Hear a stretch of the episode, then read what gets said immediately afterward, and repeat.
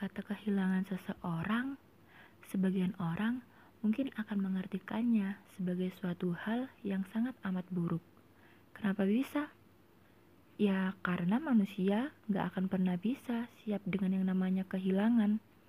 Kita yang semulanya tegar, kuat, tangguh, mendadak jadi hancur, patah dan rapuh. Oh iya, kalau ngomongin soal kehilangan, hmm, banyak bentuknya kehilangan yang masing-masing orang pernah rasakan.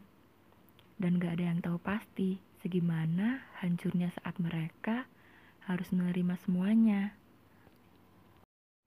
Kalian perlu ingat, manusia gak punya kemampuan untuk menolak kehilangan. Manusia cuma diberi daya untuk menerima kehilangan.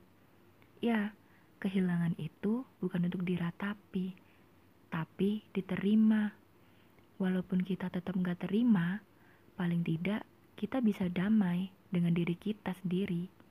Apa gak serem kalau kita aja gak bisa damai sama diri sendiri? Padahal, apa pun yang terjadi nantinya, ya kita sendiri yang bisa ngelewatin. Melepaskan, menjadi keseharusan setelah kata itu tiba-tiba datang menerjang. Reaksinya, sedih, nangis, teriak-teriak, gak semangat hidup, rasanya wajar untuk kalian yang baru saja dihajar. Dan semua itu reaksi alami kita sebagai manusia.